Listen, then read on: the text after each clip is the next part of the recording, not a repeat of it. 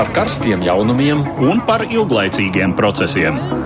par idejām, par cilvēkiem, par naudu, Un par laiku, par abām mūsu planētas puslodēm. un lietojot abas smadzeņu puslodes. Ēterā raidījums divas puslodes. Laiks atkal man arī atgriezties raidījumā divas puslodes. Pasaulē notiek daudz interesantu notikumu, nu, un šī mums ir iespēja tajos ielūkoties plašāk nekā tikai ziņu līmenī. Studijās mēs Aits Tamsons, nu, protams, Edvards Liniņš, un mēs šodien plašāk arī runāsim par šādiem tematiem.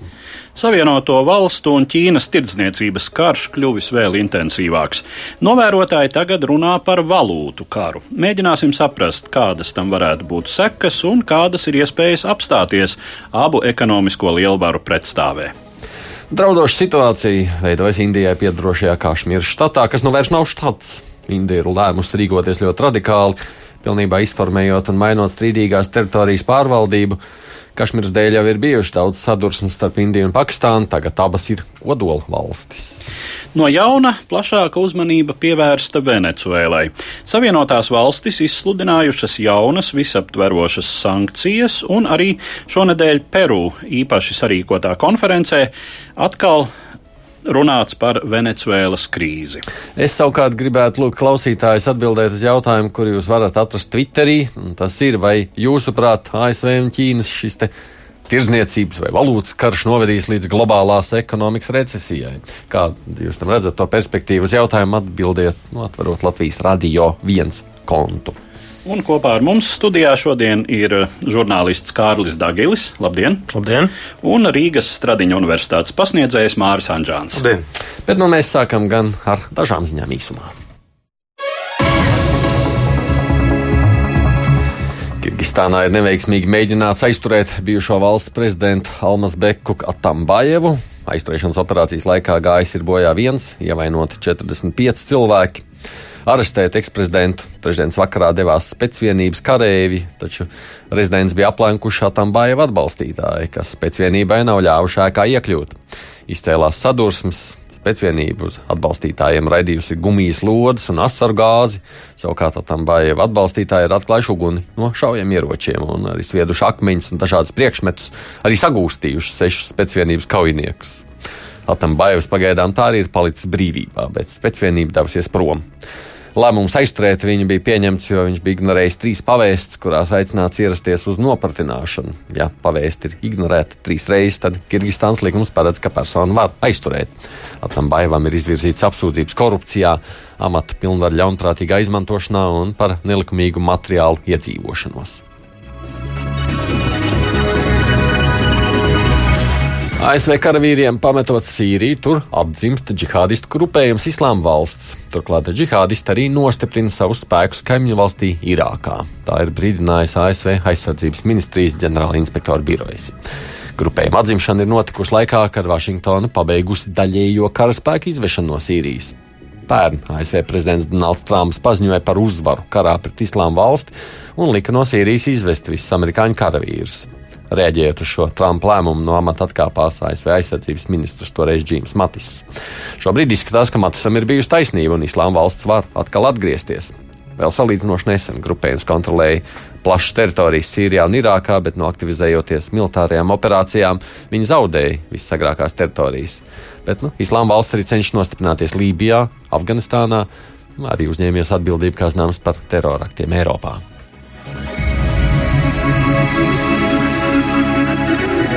Tuvojoties rudenim, auga atkal lielāka interese par gaidāmo Brexitu. Nu jau aktīvi notiek gatavošanās tam, ka Lielbritānija izstāsies bez jebkādām vienošanām.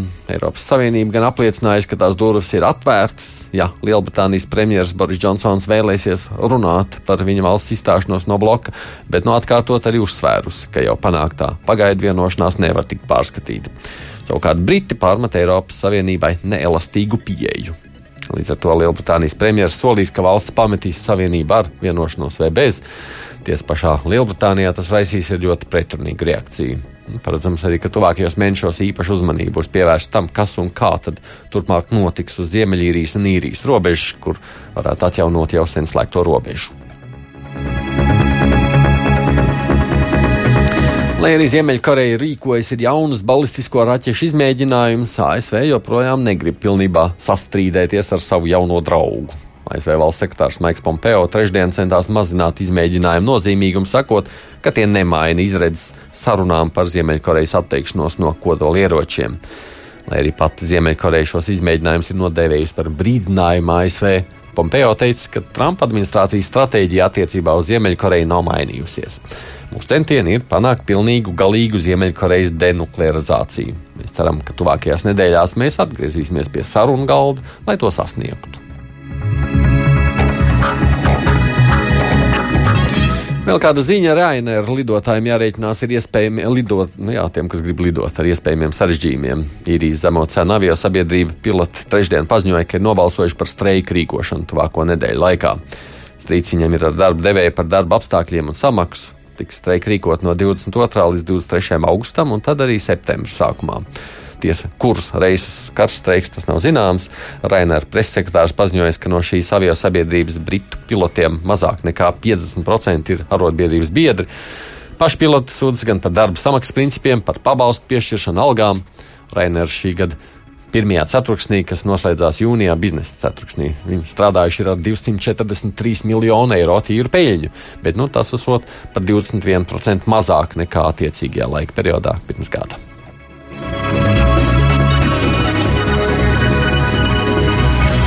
Bet nu, pievēršamies tagad sākumā minētiem tematiem un atgriežamies pie saspringtajām ASV un Ķīnas attiecībām. Trumps un Sīk badās un velk visu pasauli sev līdzi. Šādu virsrakstu savai vakardienas publikācijai licis izdevuma The Washington Post apskatnieks Išāns Tarūrs. Šķiet, ka divu lielāko pasaules ekonomiku pretstāve draud uzsākt jaunu spirāles loku, kurā tirzniecības karam var pievienoties arī valūtu kursu karš. Pēc tam, kad Savienoto valstu prezidents pagājušajā nedēļā paziņoja savu lēmumu par jaunu tarifu ieviešanu Ķīnas precēm 300 miljārdu dolāru vērtībā, Joaņas kurs piedzīvoja lejupslīdu, uz ko ar strauju indeksu kritumu reaģēja biržas Volstrītā, Āzijā un Klusā okeāna reģionā. Situāciju vēl vairāk sāsnājas Savienoto valstu finanšu departamenta paziņojums, ka Ķīna uzskatām par valūtas manipulātoru. Tam gan nepiekrīt daudzi eksperti, uzskatot, ka joņa kursa pazemināšanās ir dabiska valūtas tirgu reakcija uz papildus tarifu ieviešanu. Jāpiebilst, ka pēdējo reizi Finanšu departaments vainojas Ķīnu valūtas manipulācijā 1994. gadā, un Ķīnas valdība apgalvo, ka tā pēdējās desmitgadēs atteikusies no mākslīgas valūtas kursu pazemināšanas prakses. Jādomā, ka Ķīna nepaliks atbildi parādā un savukārt palielinās tarifus Savienoto valstu lauksaimniecības produkcijas importam. Tas vēl vairāk palielinās negatīvo efektu, kuru Savienoto valstu ražojumu eksportam uz Ķīnu radīs augstais dolāra kurs pret juāņu.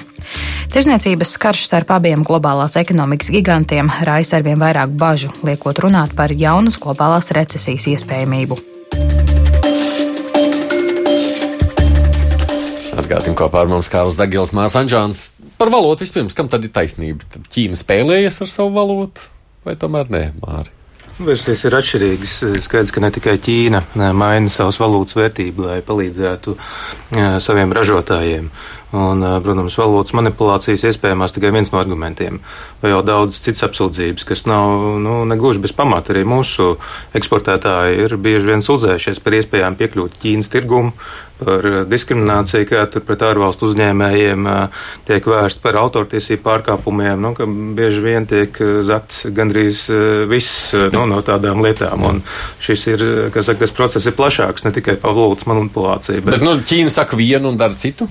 Nu, bieži vien tā ir. Tāpat kā šobrīd paradoxāli sanāk, ka Ķīna redz, redz uzstājas kā globālā multilaterālisma aizstāve, kā brīvās tirdzniecības aizstāve, un ASV tiek padarīts par tādu pretpolu, bet nu, praksē pilnīgi otrādi būsim atklāti.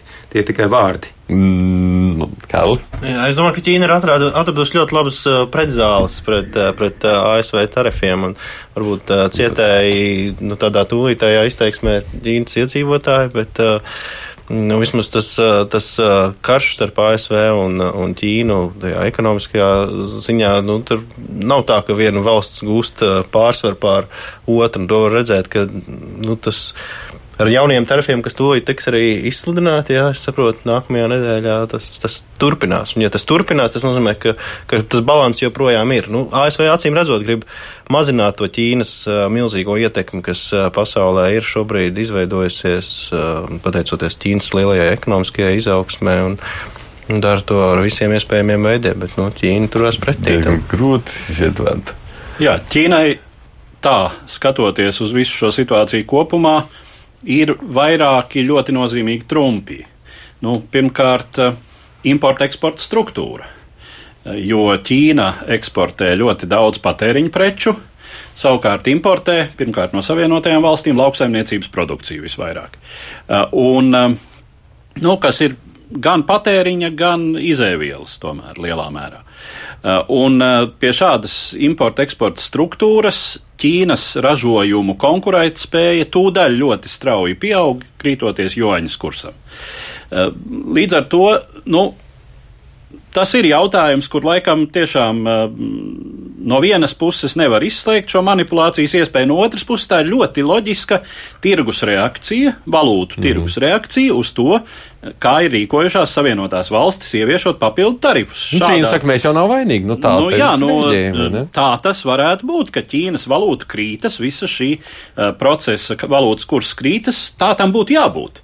Un uh, tā tas pasaules ekonomiskajā kustībā arī notiek, ka, teiksim, ja kādai valstī ir ekonomiskas grūtības, tad uh, tās valūtas kurs loģiski krītas un savukārt tas zināmā mērā perspektīvā kompensē šīs grūtības, jo produkcija eh, kļūst oh. konkurētspējīgāka. Mēs jau par to, lai nu ko, bet man liekas, ka mūsu klausītāji, tad, kad bija mūsu 2008. gada krīze, ļoti daudz ko uzzināja par šīm lietām, vai ne? Atceramies pašiem. Tikai, bet vai, jā, starpība, bet... starpība, protams, starp Ķīnu un Latviju ir ne tikai apjomā, bet arī šo importa, eksporta, no, eh, teiksim, tai kvalitātē, jo, jo Ķīna, protams, eksportē ļoti daudz preču ar pie, lielu pievienoto vērtību. Ja. Nu, mēs atceramies, savulaik toreiz arī gāja diskusijas par Latvijas lata devalvāciju un tam līdzīgi skatījāmies uz Poliju, kas to izdarīja. Ak, kurš tad Ķīnai var aizliegt, kāpēc viņi nedrīkst to darīt? Nedrīkst. Nu, viņi jau, tas jau arī ir viņa tas arguments, jā. ka viņi aizsargā. Nē, nu, Trumps sūdzēsies. Jā, nu, bet Trumpam ir jāpierāda, ka Ķīna tiešām ir uh, to darījusi mākslīgi. Jo, jo nu, teiksim, bet kāpēc nedrīkst vien... mākslīgi darīt? Nu, tādi ir tie noteikumi. Nu, tie ir pieņemtie starptautiskie noteikumi. Kad mēs gribējām Latu devalvēt, mēs nedrīkstējām nu, starptautiski arī. Mēs, nu, nu, ko nozīmē mēs nedrīkstējām? Cik es saprotu no šiem procesiem, uh, tad uh, mēs droši vien drīkstējām neturēt lata kursu savukārt uh, augstu, jā, ja lats uh, loģiski pats, pats krita. Krīt, jā. Jā, lai gan mēs to tomēr darījām, tāpēc, ka ļoti pareizi tika izspriests, ka Latvijas situācijā tas ir jādara. Man liekas, tur bija arī uh, eiro kurs. Mēs bijām piesaistīti eiro kursam. Nu, bijām, jā, gan, jā. Ja mēs tad uh, nu, mēs varējām viņu, atbrīvoties. Jā, un tad mēs eirozonu neredzētu, kā savs. Nu, labi, taicīt operā visā tajā ziņā jautājums. Atceramies, poļi tomēr atļāvās vai ne neturēt, un viņiem tur tas. Jā, un viņu, nu, bet viņiem eh, zlots, nu, mēs zlots skatāmies, nokritās. un nekas traks nenotika, vai ne? Nē, nu, poļi, kā zināms, Polija bija viena no ļoti nedaudzām Eiropas valstīm, kura palika ar pozitīvu ekonomikas izaugsmi pat krīzes situācijā. Jā. Tur bija kaut kādi 0, cik procenti Jā, joprojām virs, kad pārējās praktiski visas Eiropas valsts uz kādu Krīt, ilgāku vai īsāku brīdi aizgāja mīnusos. Es no tāda jautājuma viedokļa, nu, ko vispār Amerika var izdarīt tādā situācijā, nu, sūdzēties, jā? Nu, kur tad var sūdzēties? Ir, protams, var sūdzēties eh, Pasaules tirdzniecības organizācija eh, vēl kur, bet Ķīna ir kļuvusi tik varena. Nu, par to daudzais vien vairāk tiek runāts, ja, ka ne Krievija kāda tur, nu, kāds augstais karš tā Ķīna, otra pasaules superlielvara, un Ķīna kļuvusi tik varena, ka kļūst aizvien grūtāk viņu savaldīt. Un tāpēc, nu, faktiski savā ziņā šobrīd ir viens no pēdējiem brīžiem, kad to darīt. Un, un tad nu, var izvēlēties, vai ir ASV demokrātijas citadeli vai kā citādi dēvēt, un Ķīna, kas nu, netūlīt nav demokrātiska valsts. Tavs simpātijas ir Trumpa pusē. Uh, nu, Neteikt, ka ir pozitīvi iznākumi tam noteikti būs, jo skaidrs, ka ir daudzas valsts, kas nu, nevisai atbalstoši izsakās tieši otrādi arī Eiropā par šo tirdzniecības karu, jo tas arī ietekmē viņas. Ir arī Eiropas kompānijas, kas ražo automašīnas ASV un eksportē uz Ķīnu, kas tagad kļūst dārgākas, un, un daudz citas loģistikas ķēdes, kas cieši, bet īstermiņā noteikti pasaulē nu, drīzāk neiegūs, bet ilgtermiņā gan. Jo citādāk Ķīna ar savu mhm. pieeju viņa maina pasauli, maina arī lietu vešanas kārtību. Tāpat arī nu, mēs nevaram skatīt šo atrauti. Jāatcerās arī tas pats Huawei gadījums, kur ASV cenšas nu, visādos veidos noliekt. Nu, tur arī argumenti dažādi. Ķīnieši saka, redz, mēs attīstam labu produktu, amerikāņi saka, nu, ka daudz kas ir kopēts un ka iespējams ir spiegošanas riski, ko pēc tam vēlāk, pēc gadiem 10, 20 pārējā pasaule smagi nožēlos. Jo Ķīna iespējams nu, tagad uzstājoties kā brīvās tirdzniecības aizstāve, pēc kāda laika noteiks tehnisko standārts un tirdzniecības standārts pasaulē. Tāpēc varbūt, ka vēsturnieki raudzīsies uz šo brīdi un teiks, ka Trumpam ir izdevies tomēr pagriezt Ķīnu tādā nu, vairāk brīvās tirdzniecības virzienā. Mm. Mums klausās Briseles Brīvās Universitātes doktoranta Diana Pačomkina. Diana, labdien! Labdien! Nu, jūs dzirdējāt to, ko sacīja arī mūsu studijas viesi. Ko jūs sakāt par šo situāciju? Jā, es piekrītu tam apgalvojumam, ka Ķīnas tirzniecības prakses, protams, ir jāreglamentē. Bet nu, mans viedoklis ir tāds, ka teiksim, šobrīd Amerikas Savienotās valstis izvēlējās ļoti neveiksmīgu taktiku, lai Ķīnu piespiestu mainīt viņu tirsniecības politiku. Kas tur ir tas neveiksmīgais? Uh, tas, ka tarifu uzlikšana ļoti lielā mērā kārtē pašām Savienotajām valstīm. Uh, Tostarp arī viņu lauksaimniekiem. Tagad viena no pēdējām ziņām ir tāda, ka Ķīna atsakās uh, iepirkt uh, ASV lauksaimniecības produkciju, kas bija visnotaļ liela eksporta pozīcija uz Ķīnu. Un, uh, problēma ir tajā, ka um, ja ASV kā solīts uzliks tarifus arī visam atlikušajam uh, Ķīnas eksporta preču apjomam, tad cenas ļoti ievērojami celsies. Um, ASV patērētājiem.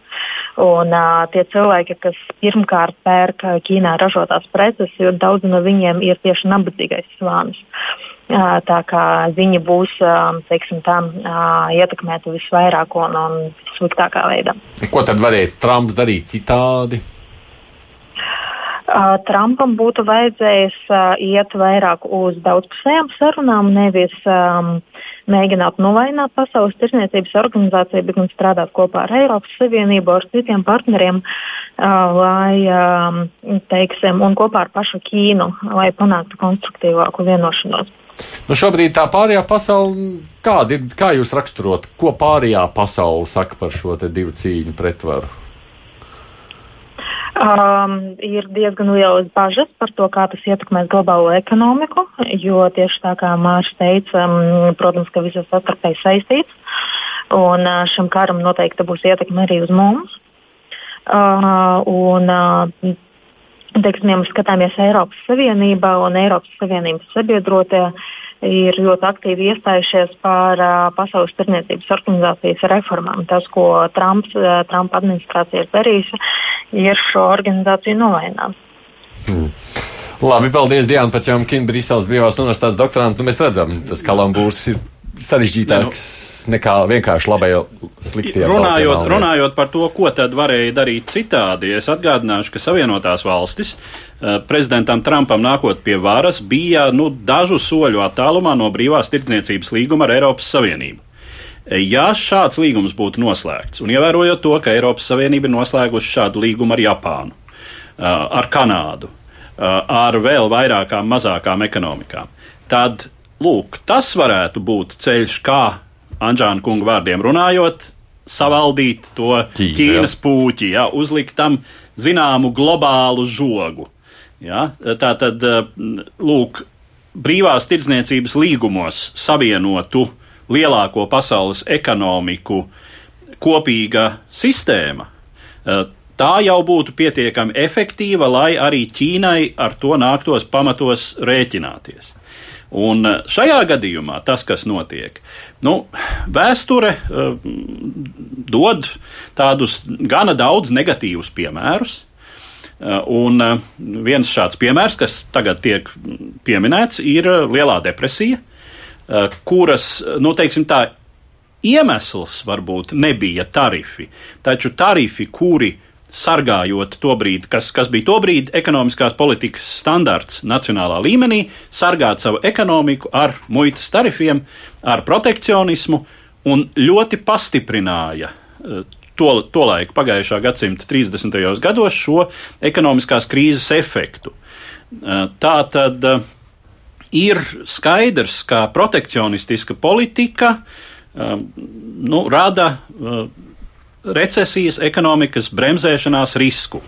Un, nu, jā. un, protams, viss vis jau var, te varētu strīdēties, vai labi vai slikti, vai tas ir tā vērts, vai teiksim, šis risks varbūt tiešām ir tā vērts, lai apvaldītu Ķīnas ekonomisko ekspansiju, kas Ķīnas gadījumā var būt arī un ir zināmā mērā politiska ekspansija, bet nelaime ir tā, ka jauna globāla recesija jau nepaliks arī bez politiskām sekām. Vai nav tā šobrīd, ka, nu, ņemot vērā to, ko arī sacīja Edvards, nu, ka tā pārējā rietuma no Eiropa un tā viņi nav aktīvi, viņas, viņi tā kā tādi novērotāji vai nu, nav? Nu, pārējā Eiropa jau ir salīdzinoši neliela uz tā kopējā fona un arī nedaudz saskaldīta, jo mēs zinām, kas notiek Eiropas Savienības ietvaros, kad ir jālēm par jautājumiem, kas saistīti ar Ķīnu. Ir atsevišķas valsts, kurās ir investīcijas augstas no Ķīnas, ir tirdzniecība spēcīgāka, viņas bloķē rezolūcijas par cilvēktiesībām, par Dienvidķīnas jūras jautājumiem, līdz ar to arī nu, nevarētu runāt par vienotību izteikti. Un jāatcerās vēl arī Lielbritānija. Lielbritānija nu, cenšas joprojām tiešām tikt prom no Eiropas Savienības, Lielbritānija arī jāskatās nu, vairākos virzienos, gan uz ASV, gan arī uz Ķīnu ka potenciālu, nu, pēc tam varbūt meklējat labāku tirdzniecības līgumu nekā šobrīd. Līdz ar to arī pārējā pasaule nav tik vienkāršā pozīcijā, un ASV kā lielākā ekonomika ir vienīgā, kas spēja cīnīties. Un, protams, ideālā pasaulē, kāda nav bijusi un droši vien nekad nebūs, protams, varētu domāt eh, par risināšanu starptautiskās organizācijās, ka viss sēdīsies pie viena galda, bet, nu, ir eh, tomēr lielās valsts, kas bieži vien pietiekami ciniski attiecās pret eh, saviem pienākumiem un mm. tiesībām. Mm, Kārli, bet, bet Ķīnas ekonomika jau ir, nu, tā kā, nu, nu samremzējusies, bet tā izaugsme ir samazinājusies, un tie tempi, kas viņiem bija 90. gados, vairs uh, nav nebūt tāda, un droši vien tā ASV politika bija tā, mēģināt tajā, tajā vājākā brīdī iesist vēl vairāk. Un es tieši domāju par to Trumpa faktoru šajā gadījumā, jo Ķīna tomēr bija tāds viens no viņa priekšvēlēšanu jājiem zirdziņiem, un vai vienā brīdī tas nesāks viņam pašam atspēlēties, jo jā, tie lauksaimnieki jau ir būtībā arī viņa elektorāts, un ja viņi cietīs, tad varētu ciest, ciest arī. Mm. Uh, Bet nu, kurā brīdī tad Ķīna, Ķīna kurā brīdī amerikāņi varētu sajust šīs sekas? Jo šobrīd es saprotu, ka vēl nē. Es domāju, ka tas, ko, Vidēji. tas, ko teica lauksaimnieki, nu, jā, bet vidējais amerikāņi. Lētajām Ķīnas precēm tā varbūt nav tik taisnība, jo amerikāņi pērk ļoti daudz. Un šī ir kā reiz tā, tas segments, no kā viņi varētu varbūt arī atteikties. Protams, tas ķīniešu preces Amazonā ir lētas, bet amerikāņi pērk tik daudz, tik daudz nevajadzīgu mantu, ka ir liela, liela daļa no kā viņi tiešām varētu atteikties. Un, un te gan es pieņemu, ka varētu būt pareizi izreikināts. Nu, nu jā, un jāskatās, Tad... protams, tūlīt vēlēšanas ASV, nu tūlīt, ne tūlīt, bet uh, Trumpa prezidentūra jau tuvojas, kā saka, izskaņā iespējamai. Un, un skaidrs, ka Trumps um, uh, gatavojas pārvēlēšanai. 20. gada vēlēšanām, un viņam ir jāparāda, ko viņš ir izdarījis.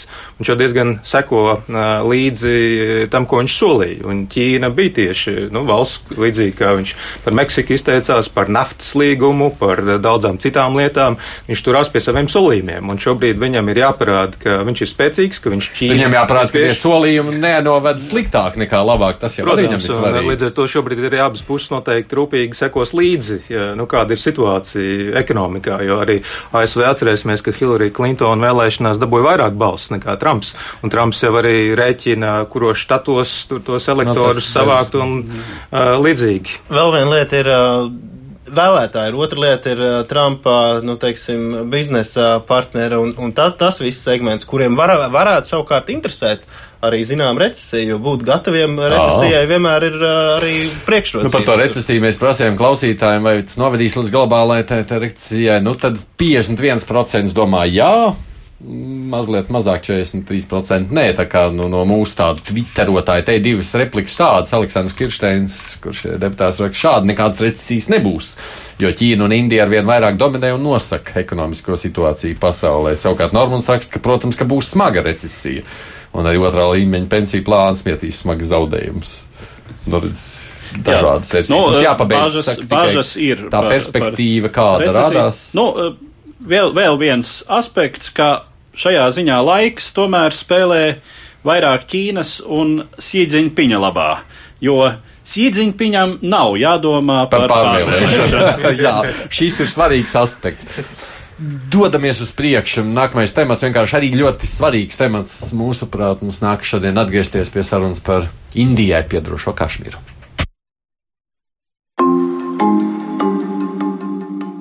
Pirmdien Indijas parlaments spēra vienlīdz radikālu un apšaubāmu soli pasludinot par atceltu Indijas konstitūcijas 370. pantu, kas noteica īpašu statusu Džamu un Kašmīras štatam valsts ziemeļos.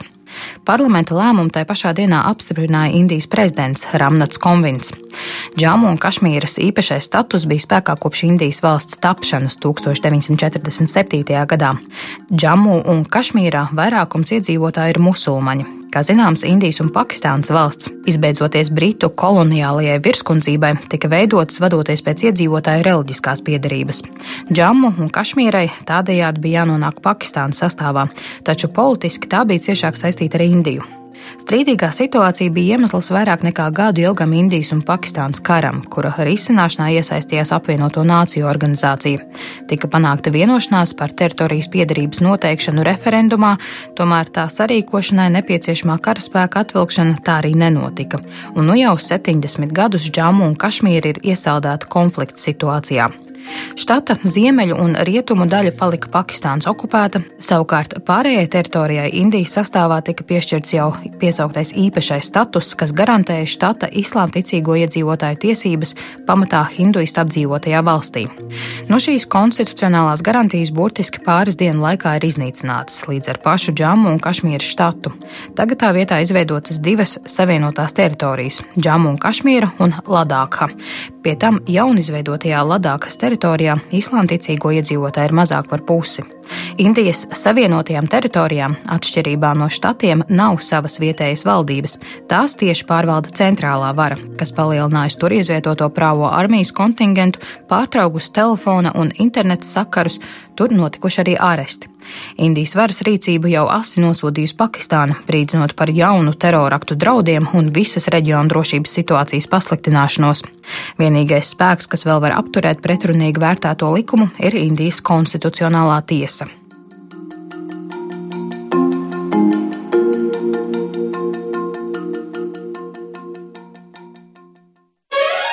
Divas puslodes!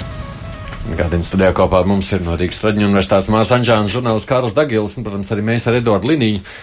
Jaunākā ziņas arī, ka tur jau simtiem politiķi arestēti ja, šajās dienās. Kāpēc Indija tā ir rīkojusies, Eduards? Tāpēc, ka Indijā pie varas un iegūstot absolūtu vairākumu parlamentā, ir nākusi Indijas tautas partija. Uh, Indis, indiešu tas ir kā nu pareizi tagad to valodu sauc, bengāļu valodā. Uh, to sauc uh, Baratija Džanata. Uh, un uh, jau priekšvēlēšanu laikā šīs partijas līderis, tagadējais premjeras Narendra Modi, ir izdarījis dziļus reveransus hindu nacionālistu virzienā. Nu, tā tad hindu tā sabiedrības daļa, kur uzskata, ka um, hindu, hinduistu ticīgo tiesības, ieskati, dzīvesveids ir primārs, un pārējais ir tā vai citādi skaužams šai.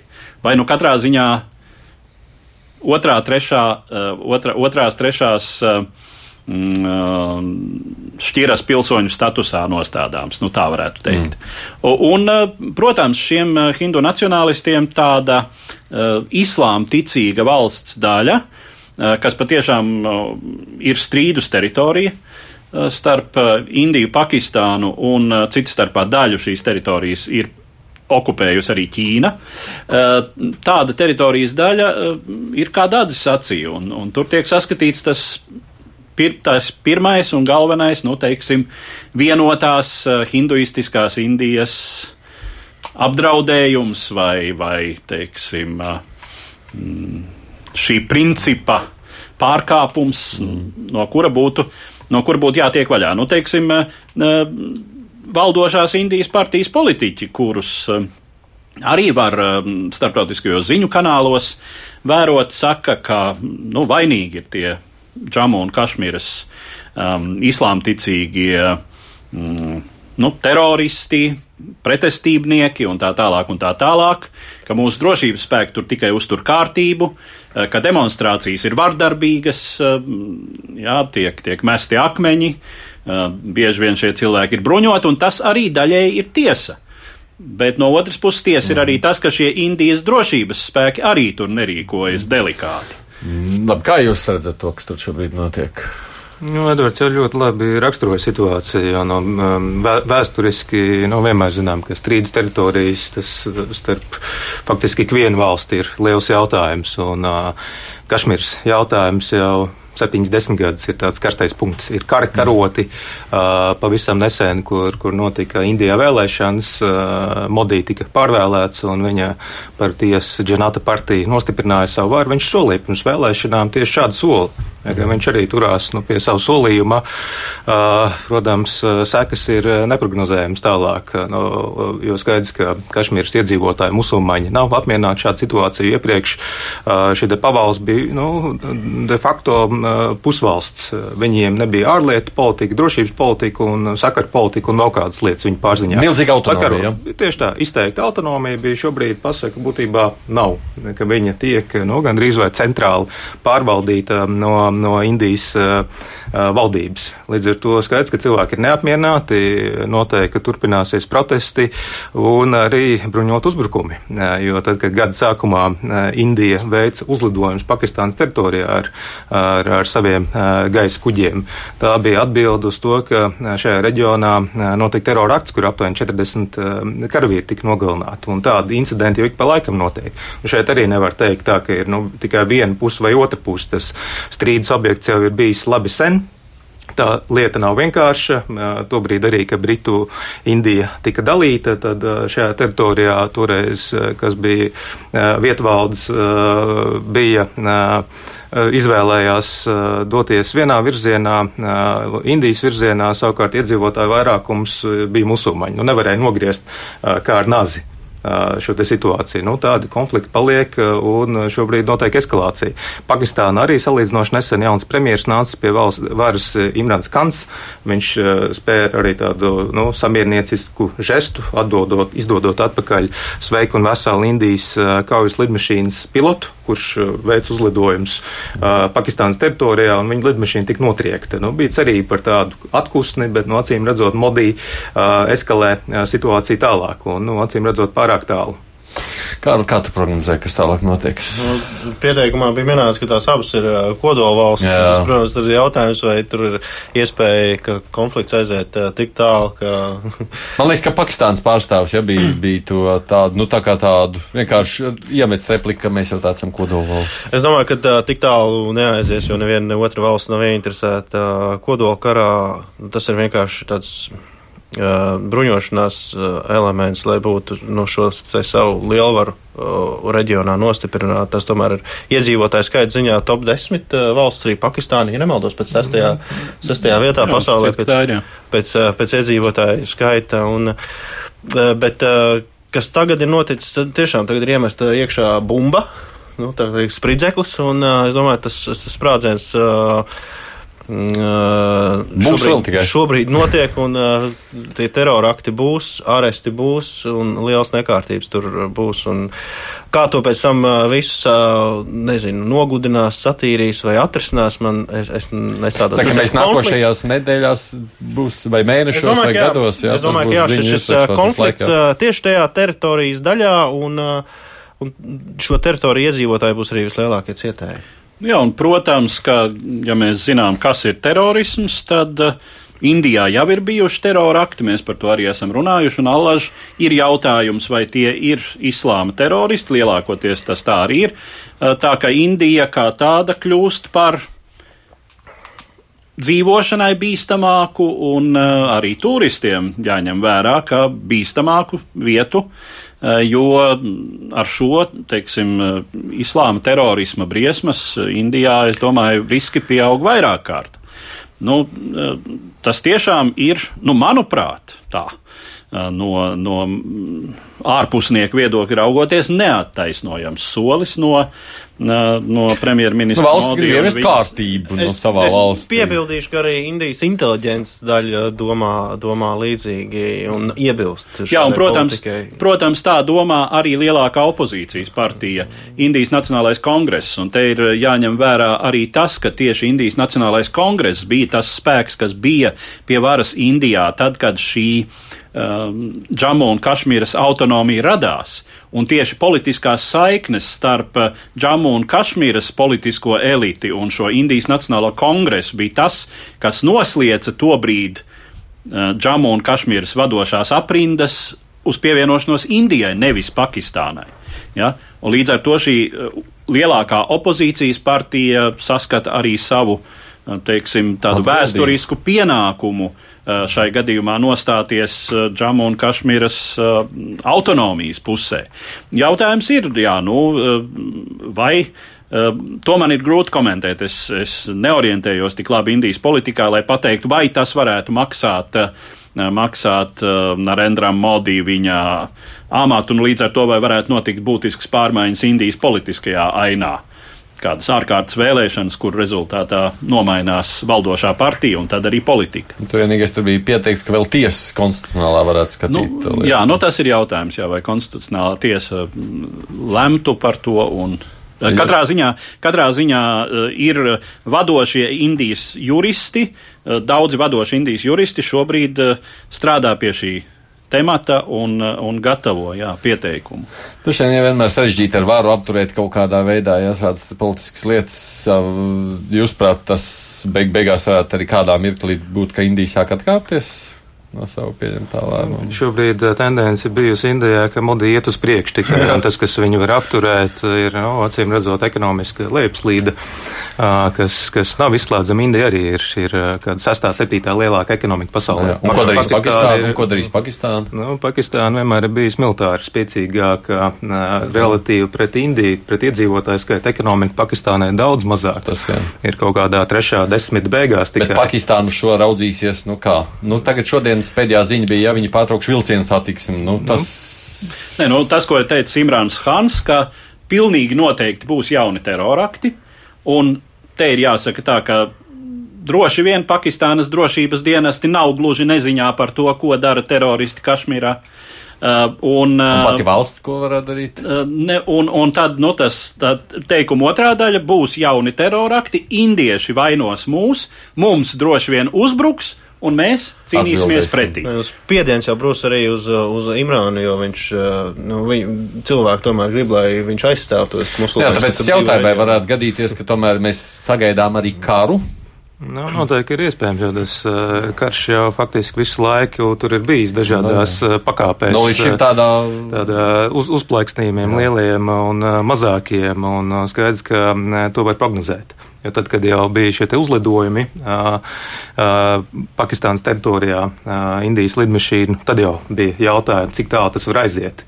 Un, un tobrīd tas uh, diezko tālu neaizgāja. Nu, šobrīd situācija, uh, jāsaka, var iet tālāk. Es nedomāju, ka tas nonāks līdz kodolieroču lietošanai. Kodolieroči bijuši tie, kas ir nu, faktiski atturējuši abas valsts no vis, vispārēja kara. Nu, tur arī nu, sava veida priekšrocība kodolieročiem.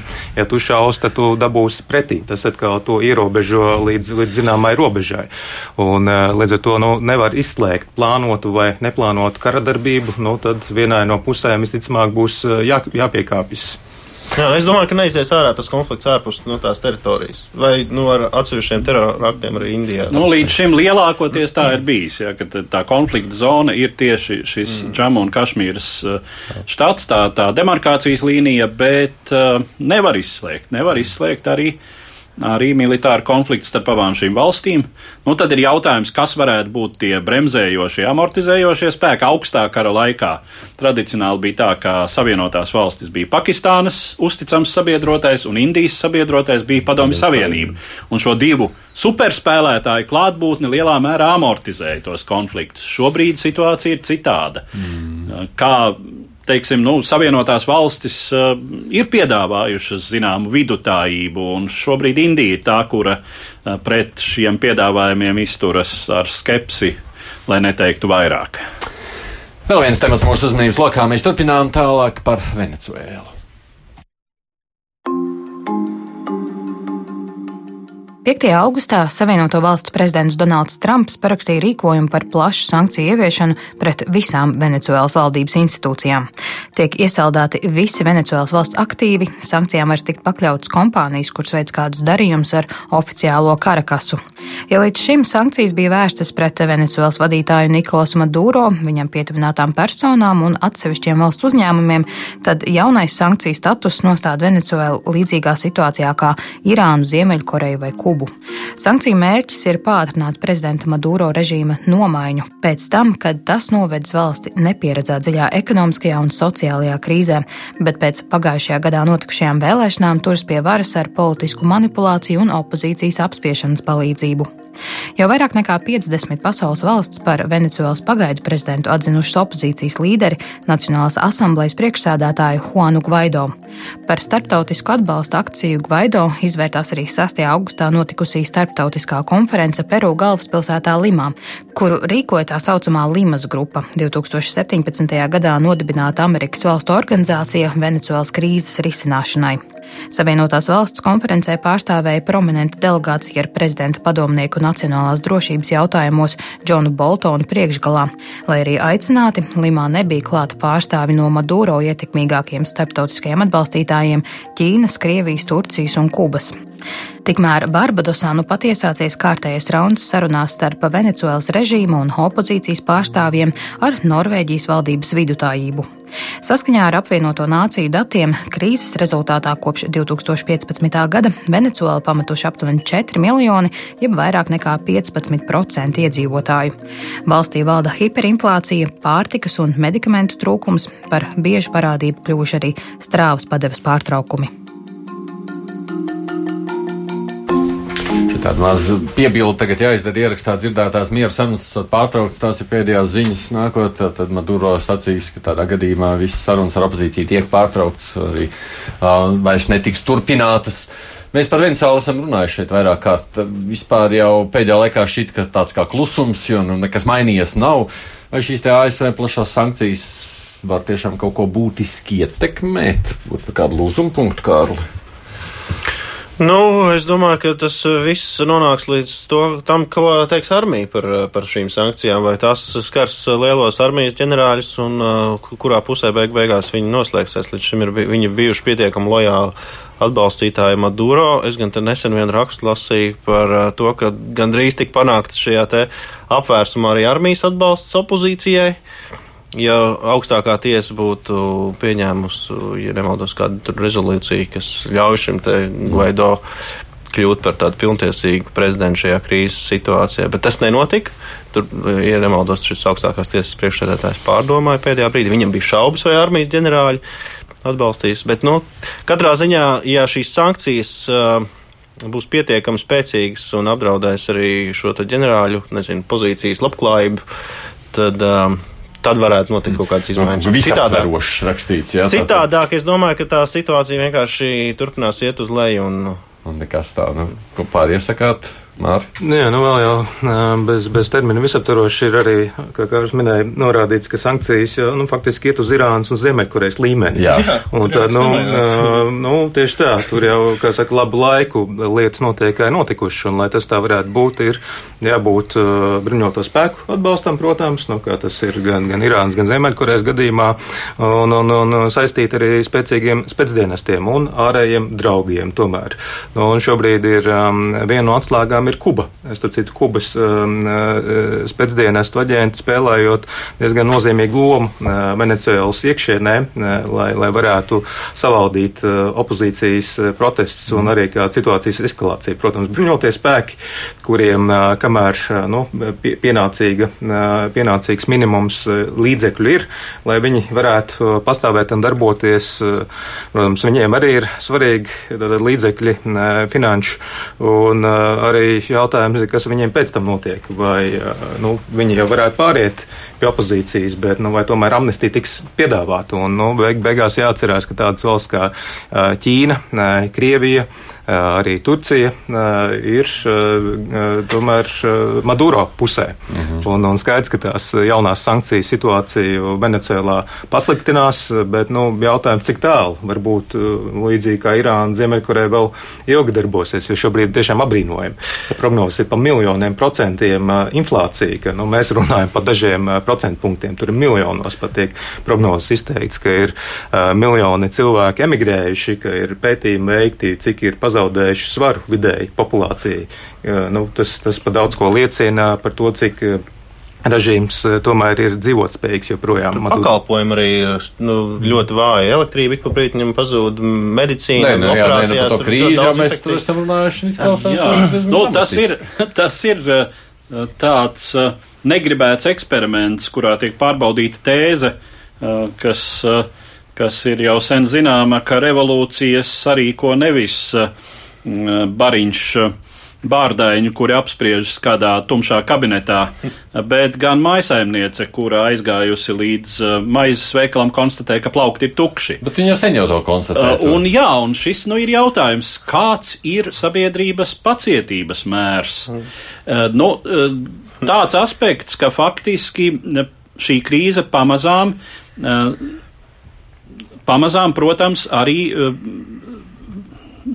notiek, notiek šīs krīzes rezultātā tāda varas un tiesiskās kārtības degradācija, erozija. Jo, nu, labi, viena lieta ir galvaspilsēta, kuru, protams, vara tur diezgan ciešā, ciešā tvērienā, bet mazākas provinces pilsētas, tad tur ja mēs iedomājamies, ko nozīmē strāvas atslēgšana uz 24 stundām, piemēram. Uz 24 nozīmē, ka nav strāvas, to es saprotu. Jā, jā nu tā tad apstājas, piemēram, arī uh, telefona sakari. Uh, nav iespējas piezvanīt uh, policijai, tad, kad ierodas pilnīgā tumsā kādi cilvēki, ielaužas, piemēram, tavā veikalā vai tavā mājā, um, ņem visu, ko grib, Eh, gaismas nav, eh, un policijas saukt arī nevar, jo nav strāvas un nedarbojas telefona sakari. Un tā tālāk, un tā tālāk. Jā, bet mēs šo ainu jau esam zīmējuši mm, pagājušajā gadā. Nu, jebkurā gadījumā šis nav nekas jauns.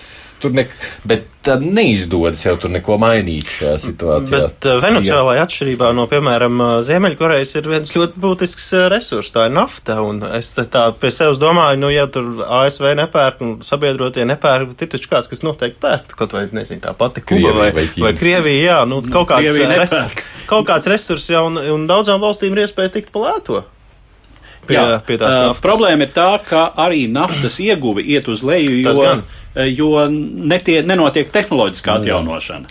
Un acīm redzot, arī daudzi kvalificēti speciālisti ir valsti pametuši. Bet tā ASV sankcijām būs tāda ietekme, tomēr vai ne? Jūs skatījāt? Nu, to jau arī neviens nezina, bet pateikt, eh, no, noteikti, ietekme būs. Un es domāju, ka tomēr eh, Maduro režīms pamazām tuviesies galām, jo iepriekš jau ir bijušas, nu, cik ziņas, viltus ziņas var būt par to, ka ir apsvērs iespēja doties projām no valsts. Nu, jautājums ir, kāda situācija tālāk attīstīsies, cik eh, startautiskie partneri Venecijas diez vai viņi pamatīgi zinām, ka vairāk nekā 50 valsts aptuveni ir atzinuši Guaido starp Latviju, kā, kā Venecijas pagaidu prezidentu. Un noteikti, ka tas vādzis kādā brīdī lūzīs, jo nu, tomēr Venecija diez vai varēs noturēties pārāk ilgi tādā statusā. Šāda pat prognoze, man liekas, ir daudzreiz izskanējusi arī par Sīriju. Tur te gan varētu būt tas cits aspekts, ka Krievija un Ķīna vienkārši tuvāk ir Sīrijai nekā. Nu, viņi, viņi, viņi tā, Krievijas bruņoties spēki tur ir, jo nu, šeit arī jā. Krievija arī bija tehniskie konsultanti, kā sauc, kur tika izvesti it kā saistībā ar to, ka nauda nebija nebija pienācīga, bet nu, šeit diez vai būs nu, teiksim, tāda liela kā, ārēja iejaukšanās, ko, protams, pilnībā izslēgt arī nevar. Jo nu, Krievijā arī, ja situācija ies uz leju, vajadzēs kādu jaunu ārēju ienaidnieku vai konfliktu, tad nu, to arī šeit var atrast. Bet, bet ja Venecijā arī, viena, arī tad, precedents jā.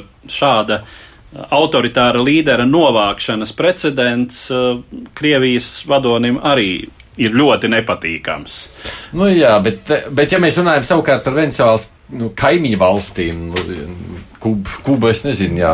Nu, ir kaimiņos, ir gan Brazīlija, gan Kolumbija darījuši, ko varējušas, lai, lai uzņemtu bēgļus no Venecijas. ANO datu liecina šķiet, ka 4 miljoni ir aizbēguši no Venecijas, un, un cik tur kā 30 miljoni iedzīvotāji. Nu, skaitlis ir diezgan pamatīgs, bet nu, nav neko spējušas būtiski izdarīt. Katrai no šīm valstīm ir arī savas problēmas, un tālāk, nu, es domāju, ātrāk vai vēlāk situācija mainīsies, bet tas var būt arī vēl vairāki uh, gadi. Iespējams, kāds kompromiss var notikt, uh, no, ka ne, ne gluži Gvaido, kā cits pārējais režīms tiek veidots, uh, varbūt, ka pie tāda nonāk. Nu, Savienotās valstis spēlē diezgan, es teiktu, šajā gadījumā gudru politiku, jo nav jau tikai sankcijas. Šajā Līmas konferencē Jā. Savienotās valstis ir nākušas klajā ar Venecuēlas ekonomiskās atzimšanas plānu pēc tam, kad Maduro būs prom. Tātad ir parādīts tīrāks Venecuēlas tautai um, iespējas, lūk, izdarot pareizo, izdarot pareizo izvēli. Un te, protams, runājot par armijas nostāju, uh, nu, armijnieki arī ir tikai cilvēki, un viņi jau arī tomēr domā, nu, vismaz pussolīt, lai gan es teiktu, armijnieki ir raduši domāt soli uz priekšu. Uh, un armīnieki ir, es gribētu teikt, salīdzinoši ļoti uzmanīgi um, uh, un pat bailīgi cilvēki. Pakļaujās komandām. Jā, un līdz ar to viņi, viņi arī domā par to, kas būs pēc tam. Un, lūk, Savienotās valstis, es teiktu, šajā brīdī ir devušas ļoti daudz materiāla pārdomām, kas būs pēc tam. Bet cik Jā. es lasīju, tad tām Latvijas Amerikas valstīm nemaz tā Amerikas klātbūtne Venecijā tik ļoti nepatīk. Viņi, protams, vēlās, ka Maduro aiziet, bet viņi savukārt negrib vietā kādu, nu, tik ļoti Amerikai draudzīgu režīmu. Tad šīs konferences. Nu, tas galvenais jautājums ir par to, kas notiktu, ja notiks. Jā, nu kaut kā tā, jā, tas ieguvums, ko varētu darīt, ja Kāds nu, teica, izdara pareizi izvēli. Nu, jā, nē, nu, tas, tas ir jautājums arī par to, protams, ko darīt. Jā, un, un kā, es, eh, eh, kā jau tika minēts, tā, tad, tas ir starptautiska atbalsta apliecinājums vēlreiz Juanam Maduro. Un, Guaido. Guaido. Juanam Guaido. Piedodiet. Juanam Guaido, jā. Nu, mēs pabeidzam arī šo sadaļu ar to, ka mēs Mums laikam visi trīs temati beigušies ar to, ka mēs nezinām, kas notiks tālāk. Apmēram tā perspektīva ir varianti. Mēs drīzāk zinām, kas nenotiks uh, tālāk, bet kas notiks. Kas jā, visos trīs gadījumos. Kā? Vienīgi, jā, vienīgais secinājums. Jā. Labi, paldies jums, ka atnācāt šeit runājot par Venezuelu. Nu, gaidām, kā vienmēr pabeidzam šo stāstu ar gaidām, lūkojoties par to, kas tālāk varētu virzīties. Um, žurnālists Kārls Dagils šeit studijā, Rīgas Traģiņu universitātes pasniedzējs Mārtiņš Džans, nu, protams, arī Edvards Liniņš, un es Aits Tomsons, producents, mums ir Ieva Zeiza. Saku paldies jums, ka bijāt un arī atnācāt. Mēs tiksimies atkal pēc nedēļas šajā pašā laikā, nu tad lūkosim, kas tad notiek pasaules politikā abās divās zemes puslodēs, un par to tad plašāk runāsim. Divas puslodes!